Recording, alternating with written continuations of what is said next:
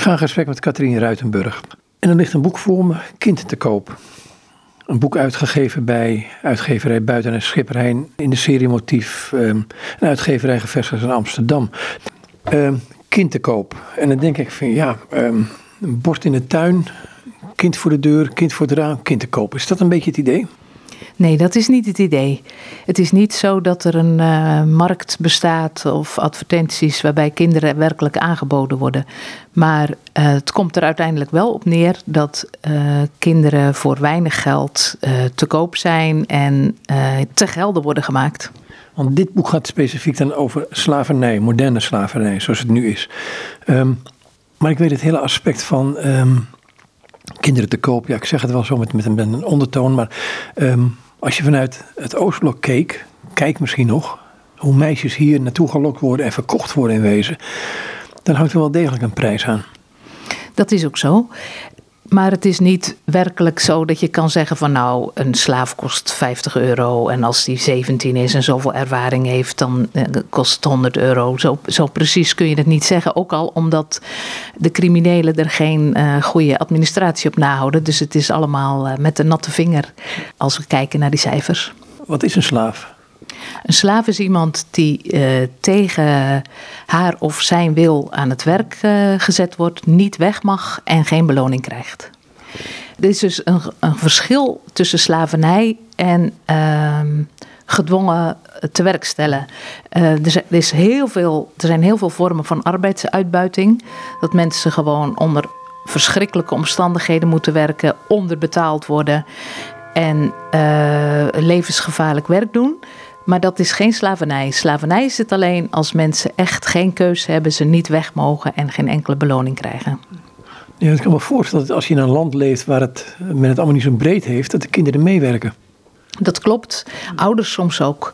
Um, als je je kind niet kan voeden en je ziet geen toekomst voor je kind en er komt iemand met een mooi verhaal, dan wil je dat eigenlijk maar al te graag geloven. Dat is vanuit onze luxe positie eigenlijk niet voor te stellen dat een ouder dat zou doen.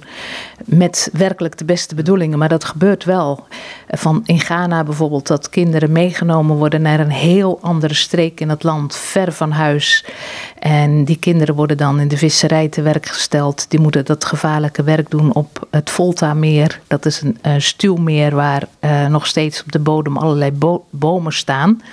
En de netten van de vissers die raken dan verstrikt in die bomen. De kinderen moeten dat opduiken. En als dat kind niet meer opduikt, dan krijgt er geen haan naar. Dus... Ja, zo, je hebt een aantal van die verhalen opgenomen in het boekje. Um, en dit is er één van. Dit is er één van, inderdaad. En omdat het een boek is voor kinderen. Het boek is bestemd voor kinderen tussen de ongeveer 10 en 12 jaar, dus de oudste groepen van de basisschool. Wil ik ook graag hoopvolle verhalen vertellen. En niet alleen maar hoe erg het is, dat staat er ook wel degelijk in. Maar het boek heeft zeven hoofdstukken en in ieder hoofdstuk uh, wordt een verhaal verteld dat echt gebeurd is, waarbij een kind in slavernij heeft geleefd, maar er ook uit bevrijd is. En dat vind ik heel belangrijk om te benadrukken. Het is niet zo uh, dat voor ieder kind die, die situatie uitzichtloos is. Er zijn ook verhalen die wel degelijk goed aflopen. En dat wil ik ook heel graag vertellen aan kinderen. Ja, maar je zegt even in een paar woorden heel makkelijk: kinderen die bevrijd zijn, maar daar gaat het nodig aan vooraf. Maar het is meer dan dat alleen. Want ik kan me voorstellen dat een kind ergens werkt en je bevrijdt het uit een nare situatie. En het blijft daar leven. Dat, um, ja, hoe veilig is het kind nog? Hè? Dat is ook zo. Da daar komt, dan, dan begint er een heel traject. En er zijn allerlei organisaties die zich daarmee bezighouden. En gelukkig ook steeds meer overheden die zich het lot van dat soort kinderen en eh, andere en volwassen bevrijde slaven aantrekken. Maar er, moet echt, eh, er wordt dan echt gekeken als het om kinderen gaat: van kunnen ze eigenlijk wel terug naar huis? Want ja, ze zijn in een situatie in een situatie geweest die blijkbaar zo uitzichtloos was dat er gekozen is voor slavernij. Gekozen, alsof dat heel bewust is, maar uiteindelijk komt het daarop neer. En ja, kan een kind daar dan eigenlijk wel veilig naar terug? Het gebeurt ook wel dat kinderen in uh, ja, weeshuizen uh, opgenomen worden of in pleeggezinnen omdat ze niet terug kunnen naar huis. Er is één organisatie die zich daar heel specifiek mee bezighoudt, met die hele die totale opvang, uh, noem ik het over het algemeen. Dat is International Justice Ministries, daar ben je bij betrokken. Ja, International Justice Mission heet de organisatie. En daar ben ik inderdaad bij betrokken. En dat is ook een van de belangrijke leveranciers van de verhalen in dit boek. Niet alleen, want uh, we wilden ook graag laten zien dat er meer eh, organisaties zijn die zich daarmee bezighouden. Um, maar International Justice Mission is wel een heel inspirerende organisatie, vind ik, omdat zij niet alleen bezig zijn met het probleem zoals zich dat uh, voordoet, maar ook met de achtergronden daarvan. Want waar komt die slavernij eigenlijk vandaan? En hoe komt het dat het in sommige landen zoveel voorkomt en dat er zo weinig aan gedaan wordt? En uh, International Justice Mission is uh, bezig met het bevrijden van slaven, waar we het net even, dat we net even noemden. Maar ook met het veranderen van structuren. Dus bijvoorbeeld met het trainen van uh, politiemensen, met het instrueren en informeren van overheidsfunctionarissen zodat er ook daadwerkelijk in de structuur iets kan veranderen, zodat het uh, op de deur minder gewoon wordt. Dat altijd maar de criminelen aan het, aan het langste eind trekken, maar juist dat de kinderen rechten meer voorrang krijgen. Maar goed, dat betekent dus dat je eigenlijk in het land zelf ook juristen moet hebben. Dat is ook zo. Heel veel uh, werknemers van uh, IDM hebben een, een, juridische achtergrond, omdat ze daarvan op de hoogte moeten zijn van hoe zit de wetgeving in elkaar.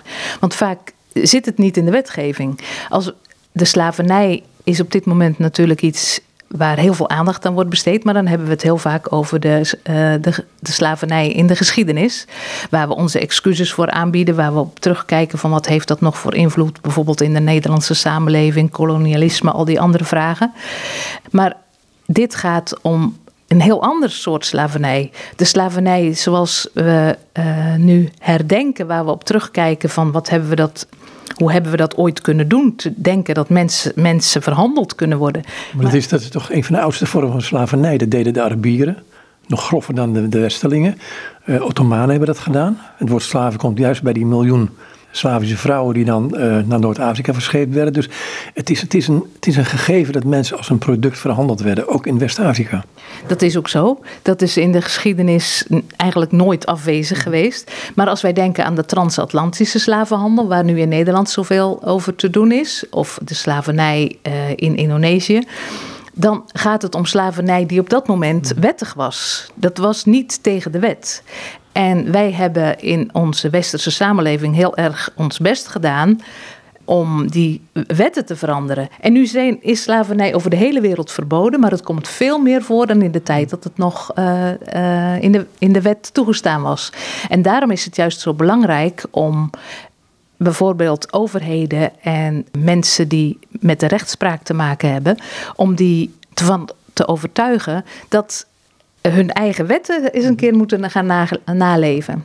Ja, er zijn nog steeds landen waar um, die, die volgens de wet de slavernij uitgebannen hebben, maar waar slaven nog steeds gehandhaafd worden. Die zijn er nog steeds, die worden ook in het boekje genoemd. Um, wat doe je daarmee? Hoe bedoel je die vraag? Nou, landen waar, um, die, volgens de wet, uh, Mauritanië was een van de laatste landen waar de slavernij officieel volgens de regering uitgebannen werd. Uh, Mali weet ik niet. Ik dacht dat het nog steeds bestond, maar goed, daar wil ik vanaf zijn. Maar wat doe je als je met zulke landen in contact komt? Dan lijkt slavernij nog steeds wel niet alleen oogluikend, maar gewoon toegestaan te worden. Dat is ook zo. En ik denk dat het ook heel vaak zo is dat er verbanden bestaan tussen overheidsfunctionarissen, zeg maar, die bij de bovenlaag van de bevolking horen. En uh, mensen die heel veel geld hebben en daardoor uh, recht kopen om tegen de wet in te gaan. En zo straffeloos hun gang kunnen gaan. Wat, wat doe je ermee als uh, eh, IGM? Ja, je probeert toch je te verdiepen in de cultuur van het land waar je werkt. Het is ook zo, dat vond ik heel mooi om te horen de veldkantoren, zoals dat genoemd wordt, in de verschillende landen waar IDM werkt, worden vooral bezet door mensen die daar vandaan komen.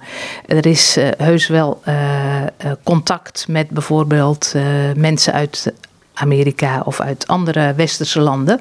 Maar er wordt geprobeerd om zoveel mogelijk met lokale mensen te werken die de cultuur kennen, die de taal spreken, die ook weten ja, hoe je dit soort dingen aan moet pakken. En dat maakt ook dat wel degelijk uh, successen geboekt worden. En dat je kunt zeggen dat op een plek waar zoveel leed en zoveel duisternis is, dat er toch vooruitgang geboekt wordt. En dat mensen gaan zien van hé, hey, maar dit is, hoort ook bij onze taak. En uh, mensen getraind worden vanuit IDM om daar werkelijk iets aan te doen en dat dat ook effect heeft.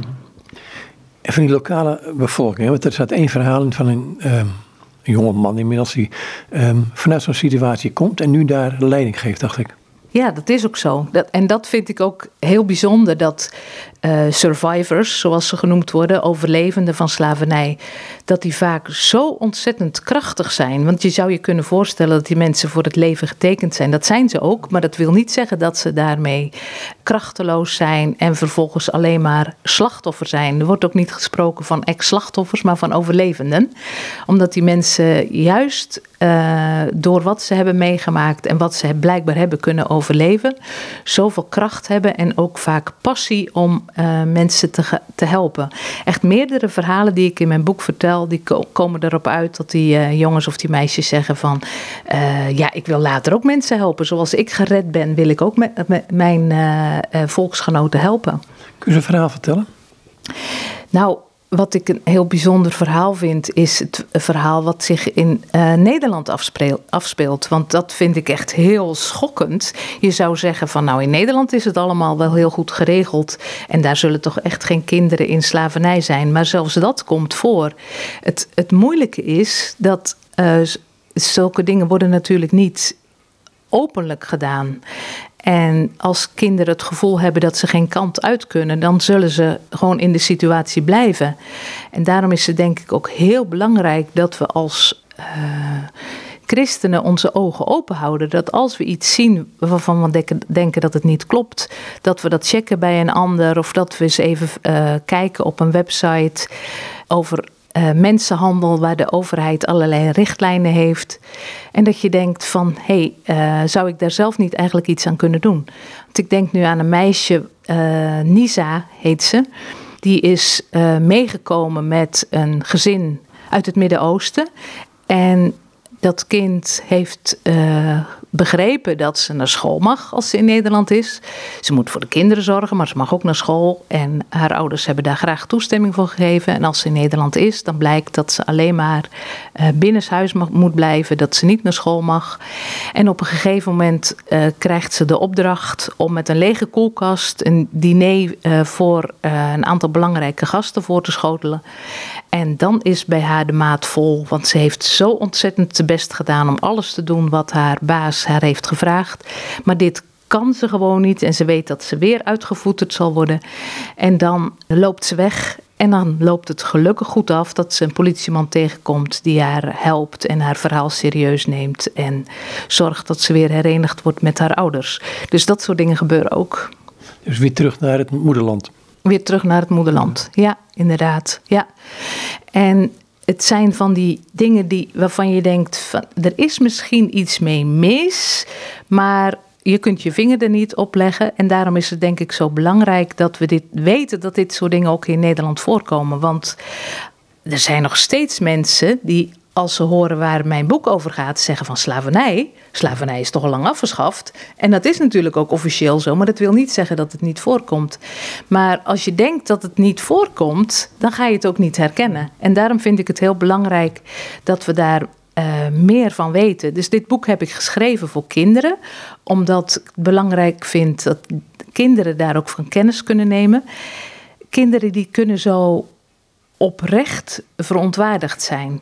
Ehm, volwassenen zijn vaak al die bevlogenheid een beetje hmm. kwijt. Die hebben zich neergelegd bij bepaalde situaties die gewoon echt niet kunnen.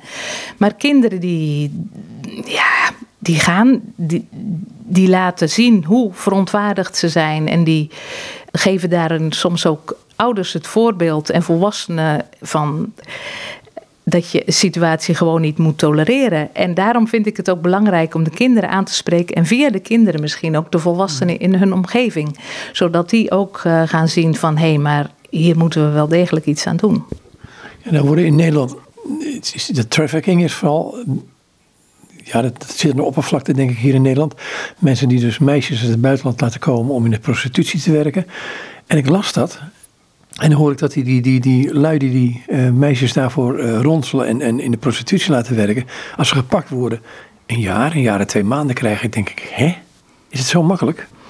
Ja, het blijkt ontzettend moeilijk om getuigen te krijgen. Ehm, die meisjes die zijn zo ontzettend geïndoctrineerd uh, dat bijvoorbeeld hun familie of de kinderen die ze achtergelaten hebben in het land waar ze vandaan komen, dat die iets aangedaan zal worden als zij gaan praten. Dus vaak kunnen die mensenhandelaren, die pooiers, hoe je ze wil noemen, die criminelen, alleen maar uh, veroordeeld worden op bijvoorbeeld een fouten die ze gemaakt hebben bij het in dienst, eh, bij het laten werken van die meisjes. Terwijl het hele feit dat ze die meisjes in Nederland hebben laten werken, dat ja, dat kan dan niet bewezen worden. En omdat die vrouwen uh, of die meisjes bang zijn om te getuigen. En daarom komen ze er vaak zo genadig vanaf.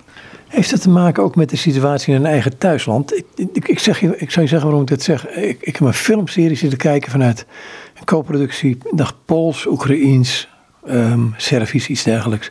En dat ging over, over de trafficking van jonge meisjes, jonge vrouwen die dan van hot naar her uh, gebracht werden met gesloten auto's, gesloten bussen uh, trucs ook, om in de prostitutie te werken. Het dilemma in die film was, was volgt. De mensen die dus daarachter kwamen, uh, die wisten waar het vandaan kwam, die wisten hoe hoog de, de mensen waren die um, zich hiermee bezig hielden.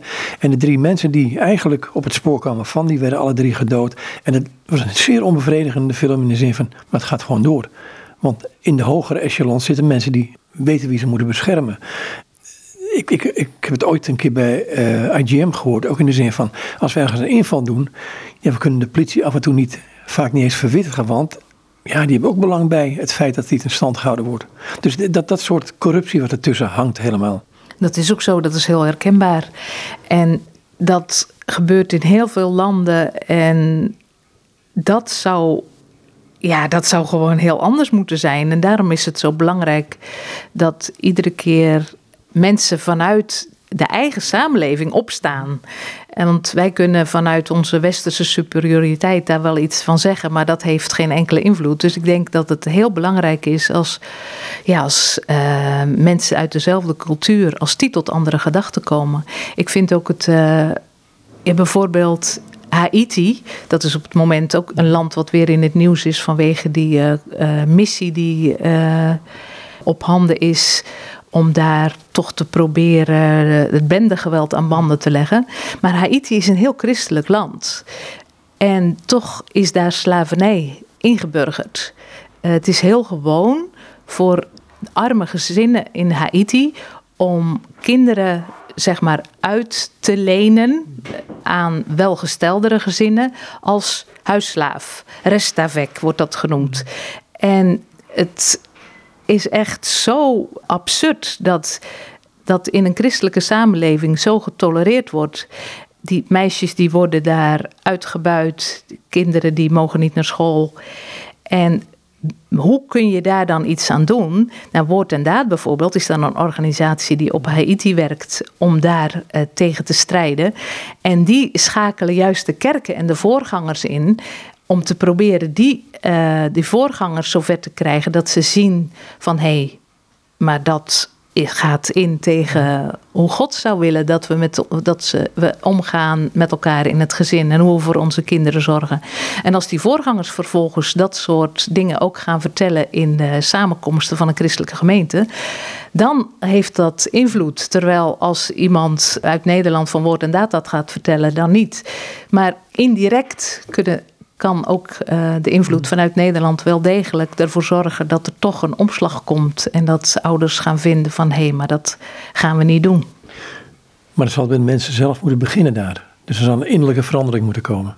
Dat is zo. En er moet ook een alternatief zijn. Want het is natuurlijk niet uit luxe dat mensen zeggen van nou laat mijn dochter maar uh, bij die en die gaan werken. Dat is omdat die monden gewoon niet gevoed kunnen worden.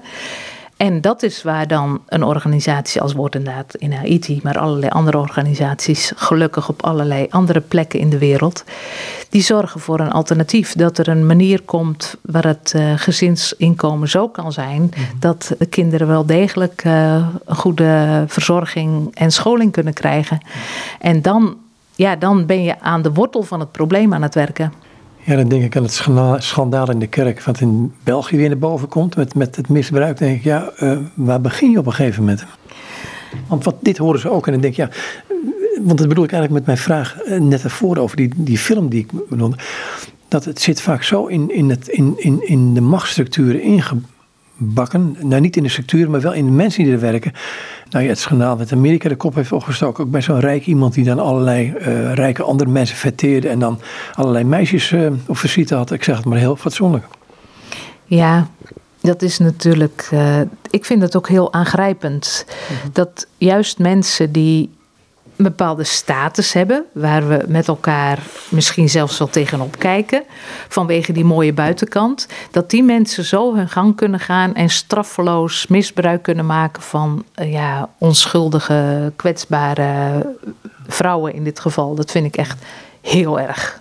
Ja, ik was vanochtend bij mijn uh, kleindochter en mijn kleinzoon op, op school. Dit is een open oma ochtend, weet je, dat heb je af en toe. Begin van de boekenweek ook nog een keer. En het meisje had onder andere, dacht ik dat ze een jaar of zes, zeven was. En die hebben dan, uh, om hunzelf te kunnen verdedigen, judo-les op school. Nou, ik vond het ontzettend leuk om te zien hoe die kinderen daarmee omgaan. En hoe het geleerd wordt. En ik denk, ja, daar begint het ergens. Maar het wantrouwen in de maatschappij zit van, wat, dat lees ik ook in zo'n boekje, dat er iemand van IGM aankomt. En dat die mensen meteen gewantrouwd worden van, ja, je zegt het wel, maar. Ja, dat is, dat is ook zo. Ik denk dat die uh, hulpverleners ontzettend uh, tactisch moeten zijn in hun omgang met die kinderen. Want waarom zouden ze volwassenen ooit nog vertrouwen? Er, is al, er zoveel, uh, zijn al zoveel beloftes niet nagekomen.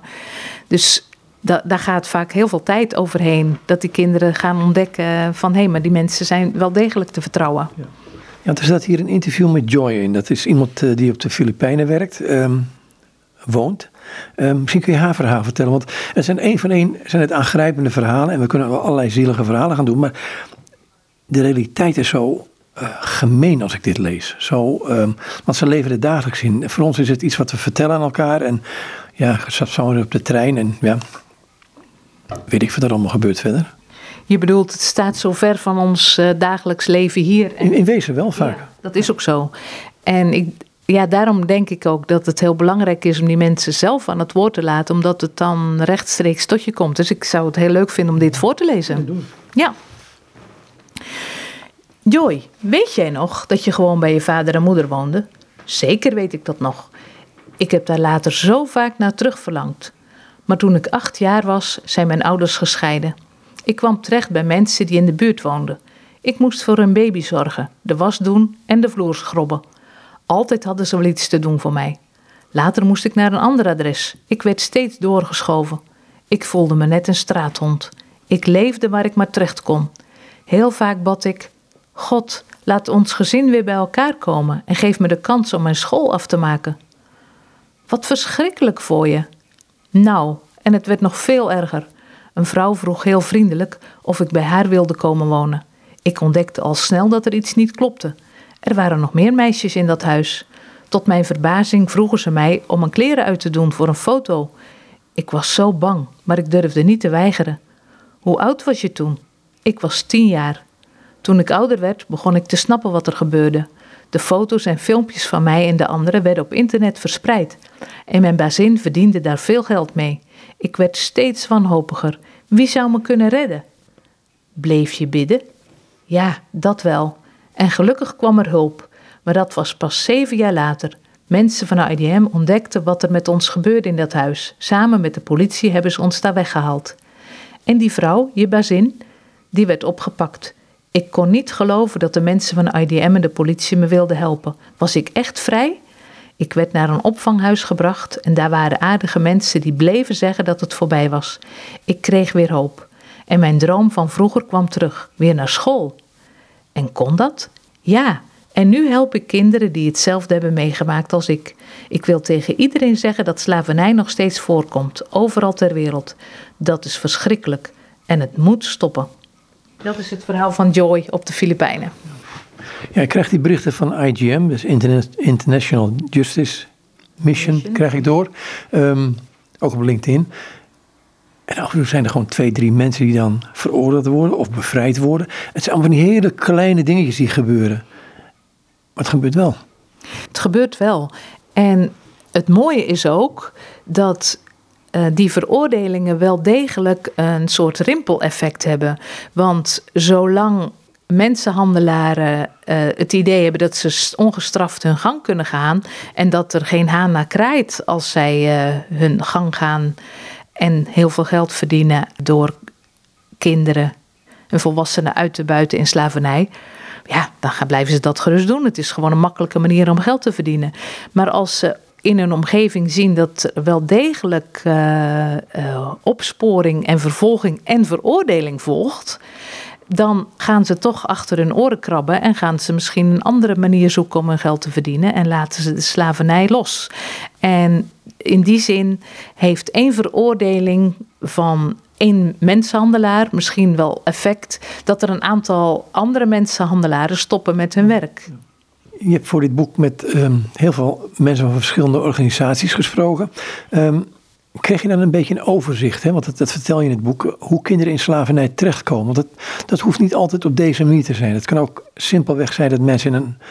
Ja, ik, ik moet nu aan de vluchtelingen denken die hier in, bij, uh, in Nederland binnenkomen. Vaak zijn het kinderen. Dan denk ik, ja, hoe komen die kinderen alleen hier? Dat is ook wel een vraag op zich. Maar um, ja, en dan? Want er verdwijnen er heel veel namelijk. Ja, dat is uh, een heel akelige gedachte, vind ik. Dat kinderen zomaar van de radar kunnen verdwijnen. Van die alleenreizende minderjarige asielzoekers. Die dan ja, worden geronseld, bijvoorbeeld voor drugshandel of voor de prostitutie. En die niet meer te vinden zijn. Dat gebeurt in Nederland. Je hebt in het boek opgenomen hoe kinderen in de slavernij terechtkomen. Want daar ging mijn vraag eigenlijk over. Van, uh, doordat je met al die organisaties praat, kom je dan langzamerhand achter. Um, en sommige situaties zijn heel schrijnend. Soms ja, is het pure honger. Is het, is het, er is niks. Dat is ook zo. Om te overleven lijkt het dan gewoon de beste manier. Maar het is ook zo dat, en dat, dat vond ik echt. Nou, daar had ik me nog no, nooit. Dat, dat, dat was iets onvoorstelbaars voor mij. Dat er ook kinderen gewoon in slavernij worden geboren. Als ouders bijvoorbeeld om een schuld af te lossen in een fabriek moeten werken, maar die schuld is gewoon niet aflosbaar, omdat die baas steeds meer in rekening brengt voor huur en eten, ja, dan blijven ze in die slavernij. Ze krijgen kinderen en die kinderen die zijn dan vanaf hun geboorte ook slaaf. En dat, dat kinderen gewoon niet in vrijheid geboren worden en hun, voor, ja, als er niet iets gebeurt van buitenaf, gewoon dat dat in generaties zo door kan gaan. Dat vind ik echt heel verschrikkelijk. Goed, nogmaals de vraag even open. Hoe komt een kind in slavernij terecht? Want je noemt een aantal voorbeelden, geef je. Ja, dit, dit, wat, het voorbeeld wat ik net noemde, dat wordt schuldslavernij genoemd. Van mensen die uh, van, zogenaamd om schuld af te lossen uh, na een aangegane lening in slavernij terechtkomen. Kinderen worden ook soms gestolen, omdat je daar nou eenmaal makkelijk geld mee kunt, kunt verdienen. Het kan ook zijn dat ouders denken er goed aan te doen. Dat hebben we ook al eerder genoemd. Om uh, het kind uh, mee te geven. Omdat het verhaal verteld wordt dat de kinderen beter af zullen zijn en naar uh, school zullen gaan. Maar ja, dat blijkt dan niet het geval te zijn. En jij noemde net ook al vluchtelingen. Oorlog is ook vaak een achtergrond van kinderen die in slavernij terechtkomen. Je ouders zijn omgekomen of je bent elkaar kwijtgeraakt op de vlucht. En uh, die criminelen die zijn daarop uit om juist die meest kwetsbare mensen uh, te isoleren en mee te nemen en daar uh, misbruik van te maken. En vaak is het ook zo dat mensen in slavernij gehouden worden op een heel andere plek dan waar ze vandaan komen.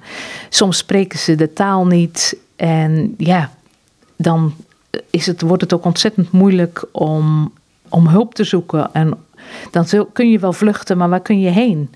Dus ik denk dat het vaak ook zo is dat mensen die in slavernij leven de hoop helemaal opgegeven hebben van ja, hier kom ik gewoon nooit vandaan. Dit is, dit is wat mijn leven is en het enige wat hen kan verlossen is, is de dood.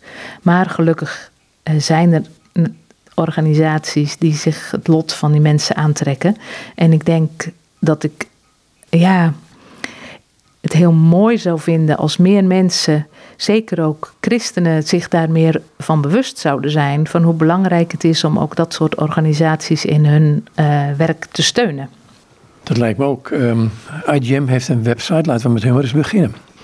Ja, en daar uh, is, uh, zijn ook prachtige verhalen op. Een, uh, meerdere verhalen met foto's soms. dat je kunt zien van het is wel degelijk mogelijk om een nieuw leven te beginnen ook na, na slavernij. En wat is er dan mooier dan mee te werken aan zo'n bevrijdingsactie? Op de website van IDM kun je ook aangeven met wat voor actie jij van plan bent om uh, geld in te zamelen en voor welk doel je dat specifiek wil doen. Dus je kunt ja, echt waar jij warm voor loopt, daar kun je een actie voor doen. En dan kun je heel concreet bijdragen aan, het, uh, aan de bevrijding van slaven, maar ook aan het veranderen van structuren in andere landen. Gebed, weet ik, is daar een belangrijke sleutel in. Ja, ik ben zelf uh, vrijwilliger bij IDM. En uh, ja, het is natuurlijk zo dat het heel gemakkelijk gezegd is dat het belangrijkste wat je voor een organisatie kan doen is bidden. Soms lijkt het ook wel alsof dat ja, een soort uh, plichtmatig eerste punt is. Als je mensen vraagt om steun. Het belangrijkste is dat u voor ons bidt. Maar eigenlijk uh, lijkt het alsof toch uh, dat meer een opstapje is naar de volgende vraag, namelijk wilt u ons ook financieel steunen? Dat gevoel heb ik wel eens bij christelijke organisaties. Ik weet niet of dat terecht is, want ik ken die, die organisaties niet van binnenuit. IDM heb ik wel uh, van binnenuit nu leren kennen. En daar is het me echt opgevallen dat het gebed werkelijk de kern van de zaak is. Er wordt ook iedere dag als team wordt er gebeden. Uh, niet alleen voor het werk op het kantoor en voor, uh, voor elkaar, en, maar ook voor, het, uh, voor situaties op het veld, voor crisissituaties in een ander land. Heel specifiek voor steun van God. En ik heb het idee daardoor gekregen dat het werk echt in afhankelijkheid gebeurt. Dus dat is niet zomaar een loze uitspraak van ja, natuurlijk moet er gebeden worden. Nee, het gebed is echt de basis van het werk. En dat vind ik heel erg mooi. Terwijl er toch niet, IDM heeft ook met opzet niet iets van christelijk in de naam. Het, naar buiten toe wordt er helemaal niet te koop gelopen met wij doen dit vanuit een christelijke overtuiging. Maar uh, juist als uh, mensen, als werknemers, als collega's onderling, is dat heel duidelijk de, niet alleen de bindende factor, maar ook wat het werk draagt. Ja, ik vraag het ook hierom. Um, als er een, een, verkeerscontrole is, dan wordt het van tevoren allemaal aangegeven. Maar die acties van IGM die kunnen niet aangegeven worden. Want soms moet je dat, nou het geheim, ja, eigenlijk zonder voorkennis doen. Ja, eh, als het aangekondigd zou worden, dan kunnen mensen zich natuurlijk uit de voeten maken. Het zijn altijd verrassingsaanvallen die wel aanvallen, verrassingsacties, die wel heel goed moeten worden voorbereid. Want er moet natuurlijk ook uh, ruimte zijn waar de kinderen veilig naartoe kunnen. En als er arrestaties verricht worden, dan moet er wel plek zijn waar die uh, mensen gevangen genomen worden. Er moet uh, juridische ondersteuning zijn en psychologische hulp. Dus er komt als voorbereiding heel wat bij kijken, maar het is, het is inderdaad altijd iets onverwacht. Ja. Dan staat er in het boekje ook. Um in wat voor sectoren die kinderen bezig zijn. Maar het gaat ook even om het volgende. Um, en het heeft met onze welvaart te maken. Um, ik denk dat welvaart heeft als negatieve bijwerking, denk ik zelf, dat je toch een beetje, ja, misschien meer om jezelf geeft dan om anderen. Ik zeg het even heel voorzichtig. Um, als ik naar mijn telefoon kijk, en dat is een, uh, zo'n zo smartphone noemen ze tegenwoordig, dan denk ik aan die kinderen in Congo denk, ja, moet ik dit ding weggooien? Want jullie pleiten in het boek pleit je ook voor. Let op waar het vandaan komt en hoe het gemaakt is. Ja, want wij kunnen natuurlijk wel leuk zeggen van wat doen die mensen daar allemaal in het buitenland. Maar er is een heel. Een, in de wereldeconomie staan al die dingen niet los van elkaar. Wat wij hier kopen, onze consumptie, dat heeft te maken met de productie ergens anders. En als wij erg weinig betalen voor bijvoorbeeld onze kleding of voor de metalen in onze laptop, dan kan het bijna niet anders dan dat aan het begin van de keten er uitbuiting heeft plaatsgevonden. En het is onmogelijk om bijvoorbeeld van een smartphone uh, erachter te komen waar al die specifieke metalen vandaan komen. Want nou, dat, kan, dat is niet zo moeilijk is dat hoor. Zeker in Congo waar kinderen in de mijnen gestuurd worden. Alleen mijn punt is eigenlijk dit. Met kleding kun je er wat tegen doen. Die smartphone in de computer, ja die laten we echt niet staan. Dat is zo. Maar we hebben natuurlijk ook de Fairphone. Er is een uh, telefoon die wel degelijk gemaakt is van allemaal elementen die mhm. traceerbaar zijn. Dus dat lijkt me dan een hele goede stap als je een nieuwe telefoon zou kopen, dat je dan een Fairphone koopt.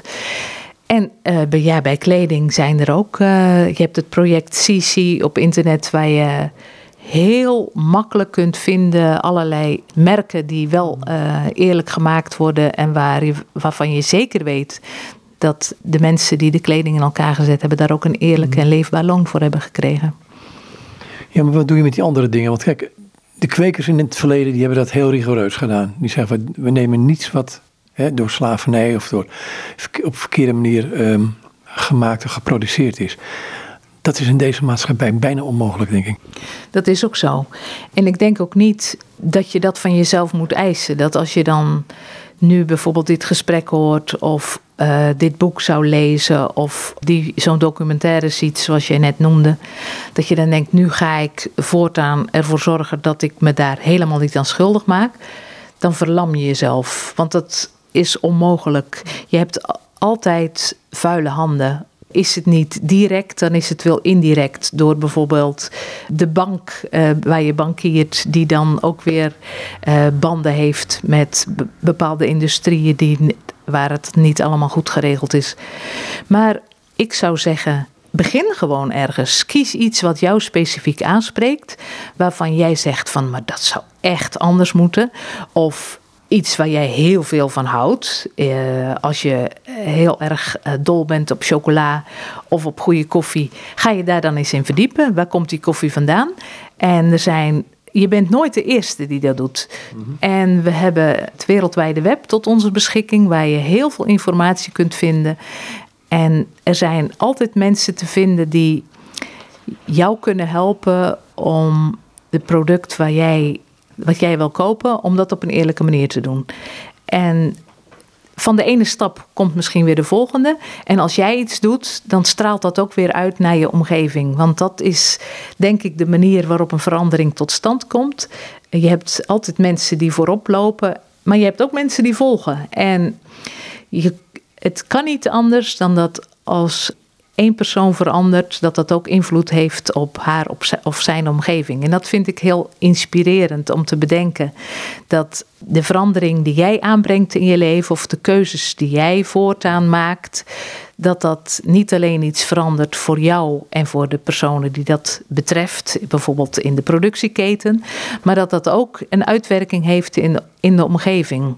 Dat is vaak niet één op één zichtbaar. Het is niet dat mensen jou komen vertellen van omdat je, ik dat van jou heb gehoord, ga ik dat nu ook doen. Maar zo gaan dingen wel. Kijk maar eens terug in je eigen leven. Bepaalde keuzes die je hebt gemaakt, bepaalde veranderingen die je hebt aangebracht. Hoe ben je daarmee begonnen? Dat is toch vaak omdat je iets hebt gehoord van iemand anders. Of uh, omdat je ziet dat een, dat de keuzes die een ander maakt afwijken van die van jou en dat je daardoor na gaat denken over je eigen levensstijl. En zo denk ik dat de ene stap die jij zet iets in beweging kan zetten in jouw eigen leven, waardoor er weer een volgende stap komt, maar ook iets in beweging kan zetten in de, bij de mensen om je heen. Nou is het boekje voor de leeftijd van 10 tot 12. Um, ehm, gaan jullie dit ook interesseren op scholen bijvoorbeeld? Nou, ik heb zelf kleinkinderen. En mijn oudste kleinzoon die zit op een school in Amersfoort. En ik heb al contact gelegd met die school. En die hebben wel belangstelling voor een gastles over dit onderwerp. En mensen die dit gesprek horen op de radio en daar uh, ook belangstelling voor hebben, die kunnen contact met mij opnemen. Want uh, ik sta daar zeker voor open. Dat lijkt me heel erg mooi om ook rechtstreeks met uh, mijn doelgroep, met mijn lezers in contact te komen. Maar heb je het al gedaan bij de voorbereiding van het boek? Dat je gewoon eens met kinderen in gesprek bent gegaan van hé. Hey. Ik heb wel uh, een heel aantal van de verhalen aan kinderen laten lezen. Van wat vind je ervan? Is het duidelijk zo? Wat spreekt je aan en wat niet? Dus in die zin heb ik zeker al wel met kinderen gesproken. Ja. Hey, je hebt in het boekje ook, um, dat is misschien wel handig voor kinderen ook. Um, ja, ze kunnen een puzzel doen, ze kunnen van allerlei dingen met het boekje doen. Maar um, er is ook een hele uh, lijst van organisaties die de slavernij bestrijden. En dan gewoon in de praktijk van alle dag. Ik heb het niet over mensen die, die allerlei mooie boeken publiceren, maar gewoon in het nitty-gritty werk van elke dag op de grond of hoe noem je het, op de werkvloer. Um, het, is, het is naast een, um, dit boek is naast een boek met, met informatie, met verhalen met mensen, dus eh, vanuit de praktijk, is het ook een, een soort werkboek lijkt het wel. wat wil je ermee verder? Ja, ik zou het heel erg mooi vinden als kinderen niet alleen het boek lezen, maar er ook zelf mee aan de slag gaan. Er zijn uh, in ieder hoofdstuk, bij ieder hoofdstuk zijn uh, opdrachten gevoegd. En die gaan niet alleen om heb je het allemaal begrepen? Uh, wat weet je nu? Maar ook uh, probeer je voor te stellen dat je zelf in zo'n situatie zit. Of uh, maak een tekening, zodat je je beter in de situatie kan verplaatsen. Want zodra je, ja, je gaat vereenzelvigen met mensen in een heel andere situatie, dan brengt dat iets bij jou teweeg waardoor je dat zomaar niet weer vergeet. En dat is mijn bedoeling. Er is ook een interview met een officier van justitie. Dat verraste me een beetje. Ik denk van ja, wat. wat um, en een prachtig liedje van uh, Trinity. Je komt uit Peru, die mensen, dacht ik, hè? Uh, de band. Maar goed, in, in Peru gewoond. Ja, oké. Okay. Ja. Maar goed, het interview, misschien kun je daar wat over vertellen. Want uh, dat is natuurlijk een hele andere insteek. dan gaat het meer om de, de strafmaat en hoe ga je met de mensen om. Want als je dan die vraag stelt: wat doet u met criminelen? Hè, dan gaan ze de gevangenis in. En dan moet ik aan een organisatie denken die gevangenen bezoekt ook een christelijke organisatie. Dus dan wordt het weer vanuit die kant uh, ook de daders ja, benaderd. Ja, je bedoelt, je zou die daders ook uh, tot inkeer willen brengen. En het zou natuurlijk heel mooi zijn als ze in de gevangenis bijvoorbeeld uh, in aanraking komen met christenen die uh, laten zien vanuit welke overtuiging zij het op kunnen brengen om zich te ontfermen over uh, mensen die verkeerde uh, stap hebben gemaakt. En dan ja, hopelijk er ook achter komen dat er een God is bij wie er altijd vergeving mogelijk is. Maar ik vind het ook heel belangrijk om ernaar te streven dat er een eerlijke straf wordt gegeven aan mensen die dat gewoon verdiend hebben. Nou ja, ik kan met mensen die, die, die, vooral die meisjes, die voor het leven misvormd zijn vaak.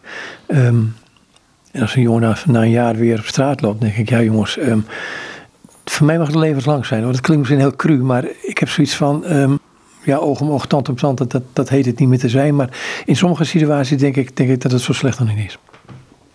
Je bedoelt, die mensen die zijn gewoon uh, niet vertrouwd buiten de gevangenismuur, want wie weet wat ze dan weer uh, gaan Maar niet alleen wat zij doen.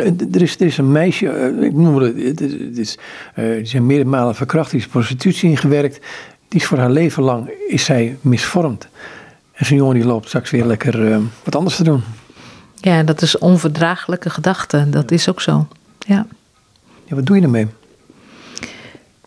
Ja, wij hebben ons in Nederland te houden aan het rechtssysteem wat wij hebben. Dus uh, dat, is dan, dat is dan eenmaal zo. Daar kan ik ook niks aan veranderen. Nee, maar dat probeer je wel in andere landen. Uh, en hier niet, want dit, zijn nog hele kwalijke dingen natuurlijk. Ja, maar hier geldt denk ik hetzelfde wat je zegt, wat je in andere landen ook meemaakt. Dat mensenhandelaren wel uh, soms opgepakt worden, maar minimaal bestraft. Omdat uh, er een, het heel moeilijk is om wat er gebeurd is te bewijzen. En als de slachtoffers uh, niet durven te getuigen, wat je heel goed kunt voorstellen, ja, dan kunnen ze soms niet veroordeeld worden voor wat ze hebben gedaan. Dat lied van Trinity, misschien kun je het voorlezen, want het is een. Um, hij schrijft een brief aan de hemel, zegt hij. Um, is dat ook niet het dilemma wat je, als je met deze dingen bezig bent, soms hebt, dat je, dat je ook zelf niet meer weet waar je het zoeken moet? Ja, je weet het wel. Maar tegelijkertijd die, die, die wanhoop die er kan zijn als je dit probleem ziet, want het is nogal veel omvattend. Ja, dat is ook zo. Toen ik, uh, ik ben bij elkaar 2,5 jaar bezig geweest met dit boek. En toen ik in het begin bezig was om me te verdiepen in de verhalen van die kinderen, heb ik meerdere malen gehad dat ik s'avonds zo somber en verdrietig was. Nu ben ik een gezegend met een opgeruimde natuur. Ik ben meestal uh, vrolijk en optimistisch. Dus dat viel me echt op van wat, wat is dit? Maar dat kwam gewoon doordat ik me ja, zo verdiept had in het leed en van die kinderen. En je weet dat er nog zoveel meer zijn. En dat lang niet iedereen gevonden en geholpen wordt. En dan vraag je je echt af van God, hoe lang nog? En ja, wat doen wij op deze prachtige wereld, uw schepselen aan? En ik denk dat dat ook een beetje de achtergrond is van de tekst van het lied van Trinity. Ik schrijf al dagenlang brieven aan de hemel. Waarom kan niemand antwoord geven? Kijk dan, we maken er een potje van. Ik heb in de klas een vriendje uit de oorlog. Waarom kan een mens een mens vermoorden? Kijk dan, we maken er een zooitje van. We kunnen mooie dingen maken, maar ook breken. Wat nou als we samen kiezen voor beter? We kunnen samen leven om de ander te geven. Het is niet eerlijk en het lijkt alsof er niemand is die kijkt. Valt er nog wat te delen als wij alleen maar nemen? De wereld is van iedereen, dus wat doe ik? En jij? En wij? Ik heb een sponsorkind die heeft te weinig eten. En ik vind mijn broodje niet te vreten. Arm kind, honger heeft totaal geen zin. Waarom zijn er toch verdrietige verhalen? Zit ik soms te huilen en te balen? Kansloos, waarom zijn er tranen, God? We kunnen mooie dingen maken, maar ook breken. Wat nou als we samen kiezen voor beter? Ik vlucht niet voor de vragen, maar alleen kan ik ze echt niet dragen, dus ik schreeuw ze van de daken in de hoop dat ze je raken, want er schuilt een wondermooi geheim in de struggle en de pijn. Als je maar niet wegkijkt, als je maar met hoop kijkt, want hoop ziet alle kleuren, hoop ziet het wel gebeuren. Als alles niks is wat het lijkt, ziet hoop het hemels paradijs. Wat een mooie wereld. Er valt zoveel te leren. Er is nog hoop voor onze tijd. We worden samen wereldwijs. Kijk naar alle kleuren. Het gaat nu echt gebeuren. We zijn verbonden en geloven in een wonder. Wij geloven in een wonder. We blijven ondanks alles stug geloven in een wonder. In een wonder. Wat een mooie wereld. Er valt zoveel te leren. Er is nog hoop voor onze tijd. We worden samen wereldwijs. Ik vind het heel erg mooi, die, die woorden, als je maar niet wegkijkt, als je maar met hoop kijkt. En dat, die combinatie, ehm, niet wegkijken en ook niet wanhopig worden. En ik denk dat dat alleen maar kan als je vertrouwen stelt op onze God, die zoveel liefde had voor deze wereld, dat hij zijn zoon heeft gegeven. Praktisch, hè? want die vraag wordt ook in het lied gesteld. Heer, wat kan ik doen? Um, wat kun je praktisch doen? Je geeft een aantal aanbevelingen in het boek. Ja, ik denk dat je als kind echt wel iets kan. Ik vind het zo mooi dat te bedenken dat als een kind dit boek gelezen heeft, dat zij of hij meer weet over eh, slavernij, over kinderen die uitgebuit worden dan de meeste volwassenen in haar of zijn omgeving. Dat vind ik echt een heel gaaf idee. En ik denk dat als kinderen uh, over dit onderwerp beginnen, dat ze misschien wel veel meer uh, teweeg kunnen brengen dan als volwassenen dat doen. Want kinderen die hebben het over hun leeftijdgenoten. Kinderen hier in Nederland hebben het over het algemeen heel goed. Die hebben alle kansen, die, alle eh, rechten die er voor kinderen zijn, die zijn voor de meeste kinderen in Nederland gewoon voorhanden. Onderwijs, uh, genoeg eten en drinken, goede zorg, een eerlijke behandeling. En het lijkt mij nou zo ontzettend mooi als kinderen vanuit de kennis die ze hebben verworven uh, door dit boek, of op welke manier dan ook, als ze dan werkelijk uh, vragen gaan stellen en de mensen in hun omgeving daarin ook meenemen. Dat, als, dat ze het gewoon niet meer accepteren dat hun ouders niet nadenken over dit onderwerp en maar consumeren omdat dat er, dat er gewoon bij hoort. Dat ze werkelijk uh, door de, de kracht van hun jeugd, als het ware, dat ze die kunnen inzetten. Ik heb ook een suggestie in een van de opdrachten van schrijf eens een brief aan een krant. ik weet bijna zeker dat eh, een, een, kind meer uh, lezers en meer sympathie opwekt dan uh, de brief van een volwassene. Dus zet er vooral je leeftijd bij. Nou, dat soort dingen, dat zou ik heel mooi vinden. Ja, en dan, en dan voor de kinderen, voor de volwassenen die dit boek ook ongetwijfeld kunnen lezen. Ik denk dat kinderen inderdaad volwassenen kunnen mobiliseren. En wat zou het dan mooi zijn als de volwassenen zeggen van. Uh, nou, er worden hier verschillende organisaties genoemd in het boek.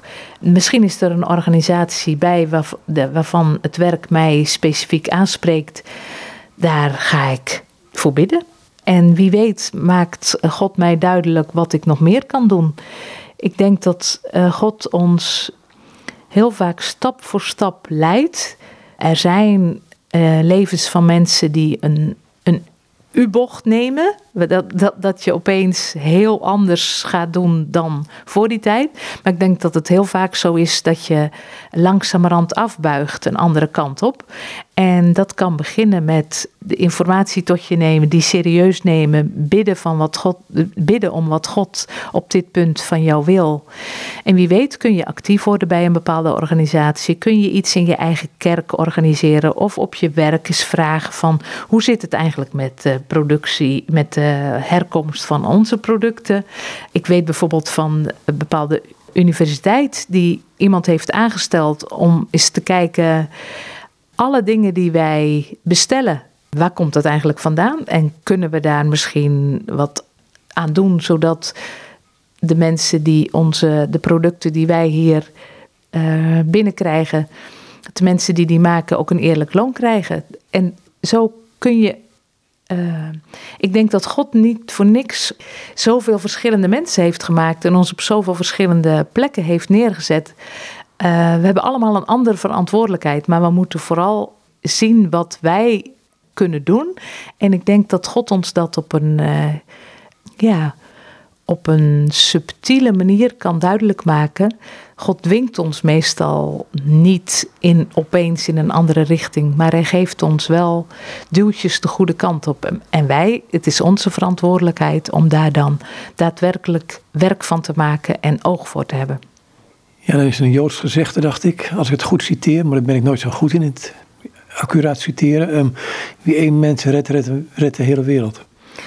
Ja, ik denk ik, dat uh, je nooit de kracht moet onderschatten van het kleine. Dat die ene zeester die je teruggooit in zee, dat is ook zo'n mooi verhaal je kunt ze niet allemaal teruggooien, maar die ene die heeft dan toch het leven weer. En ik denk dat juist ook als je dit boek leest of als je verdiept in het onderwerp, dat je kunt zien. Ehm, je kunt er op twee manieren naar kijken. Je kunt zeggen van er zijn er nog zoveel die nog steeds in de ellende zitten, maar je kunt ook zeggen, ja, maar dat kind dat, is, dat heeft werkelijk het leven weer teruggekregen. Dat kan weer spelen, dat kan weer kind zijn. En hoe mooi is dat? Het gekke is dat er genoeg is van alles en nog wat in deze wereld. Hè? Maar het komt niet allemaal bij de goede personen terecht. Nee, het is echt een kwestie van eerlijk delen. En dat betreft hebben wij in het Rijke Westen natuurlijk ontzettend boter op ons hoofd. Ik denk dat we dat nog, nog niet eens uh, goed genoeg beseffen uh, dat wij met onze levensstijl een veel te groot beslag leggen op alle hulpbronnen en alle uh, middelen op deze wereld. Je vraagt je wel eens af. Wij kunnen nu, als we terugkijken, bijvoorbeeld over de afschaffing van de slavernij, kunnen we zeggen van hoe hebben die mensen dat kunnen doen? Maar wat zullen mensen over 150 jaar zeggen over de mensen aan het begin van de 21ste eeuw? Wat zullen ze dan, waar zullen zij dan ons voor veroordelen? En dat is wel een vraag die mij bezighoudt, die ik mezelf en anderen soms stel. Van de dingen die wij nu vanzelfsprekend vinden, zijn die dat eigenlijk wel? Uh, zou dat eigenlijk niet anders moeten? En als je dan tot de conclusie komt dat het anders moet, waar kun je dan beginnen en hoe kun je elkaar daarbij helpen? Heel klein in ieder geval, want groot zijn we niet. Nee, maar we hebben wel een grote God. En ik denk dat het heel troostend en bemoedigend is en hoopgevend dat als je hiermee bezig bent, met dit onderwerp, als je je werkelijk richt op bevrijding van mensen die uh, in onvrijheid moeten leven en uitgebuit worden, dat je dan ook Gods werk aan het doen bent. En ja, een machtigere bondgenoot is niet denkbaar. Ik denk het ook niet. Wat hier maar later. Dankjewel. Graag gedaan. En dit is Katrien Ruitenburg. En met haar was ik in gesprek op basis van het door haar geschreven boek Kind te koop.